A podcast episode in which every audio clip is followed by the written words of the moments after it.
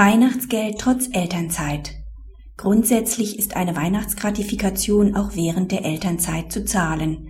Etwas anderes gilt nur, wenn dies ausdrücklich geregelt ist. Die Arbeitnehmerin ist seit Dezember 1996 beschäftigt.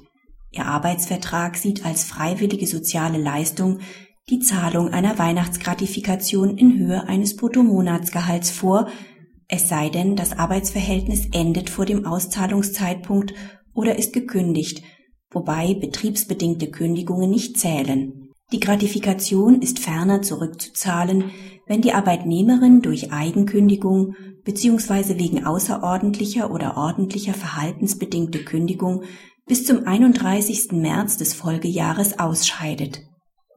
Entsprechendes gilt bei einer Aufhebung des Arbeitsverhältnisses. Die Arbeitnehmerin ist seit 5. Oktober 2005 in Mutterschutz und danach in Elternzeit. Der Arbeitgeber zahlt allen Mitarbeitern die Gratifikation für 2005, außer der Arbeitnehmerin, die nun Zahlung verlangt. Das BAG gibt, wie bereits das LAG, der Arbeitnehmerin Recht. Es drückt seine Zweifel an der Wirksamkeit des Freiwilligkeitsvorbehalts in der Gratifikationsklausel aus, weil diese einen Anspruch formuliert, dessen Fälligkeit und Höhe bestimmt ist und andererseits die Zahlung unter Vorbehalt stellt. Dies kann widersprüchlich sein und gemäß 307 Absatz 1 BGB zur Unwirksamkeit der Klausel führen.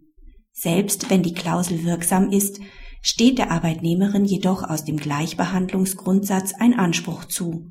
Allen Arbeitnehmern wurde die Gratifikation gezahlt. Dass die Arbeitnehmerin keine Gratifikation erhalten hat, liegt allein daran, dass sie in Elternzeit war.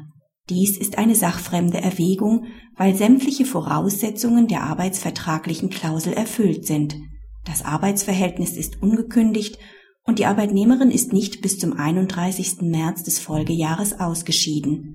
Eine Kürzung der Gratifikation wegen des Mutterschutzes ist wegen Paragraph 612 Absatz 3 Satz 2 BGB alte Fassung beziehungsweise Paragraph 7 Absatz 1 Absatz 2 in Verbindung mit Paragraph 3 Absatz 1 AGG nicht möglich.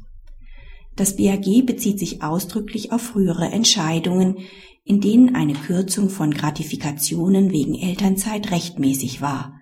In beiden Fällen war die Kürzungsmöglichkeit im Arbeitsvertrag ausdrücklich vorgesehen und auch sachlich gerechtfertigt.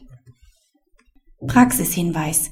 Sofern Arbeitgeber Gratifikationen wegen Elternzeit kürzen wollen, müssen sie dies ausdrücklich regeln. Belohnt die Gratifikation die Betriebstreue, ist dies sachlich gerechtfertigt, weil in einer Vielzahl von Fällen das Arbeitsverhältnis nach der Elternzeit nicht fortgesetzt wird. Verstößt die Nichtzahlung einer Gratifikation, wie vorliegend gegen das AGG, kann der Arbeitnehmer grundsätzlich eine Entschädigung einfordern. Ob ein solcher Anspruch erfolgreich durchgesetzt werden kann, wird sich zeigen.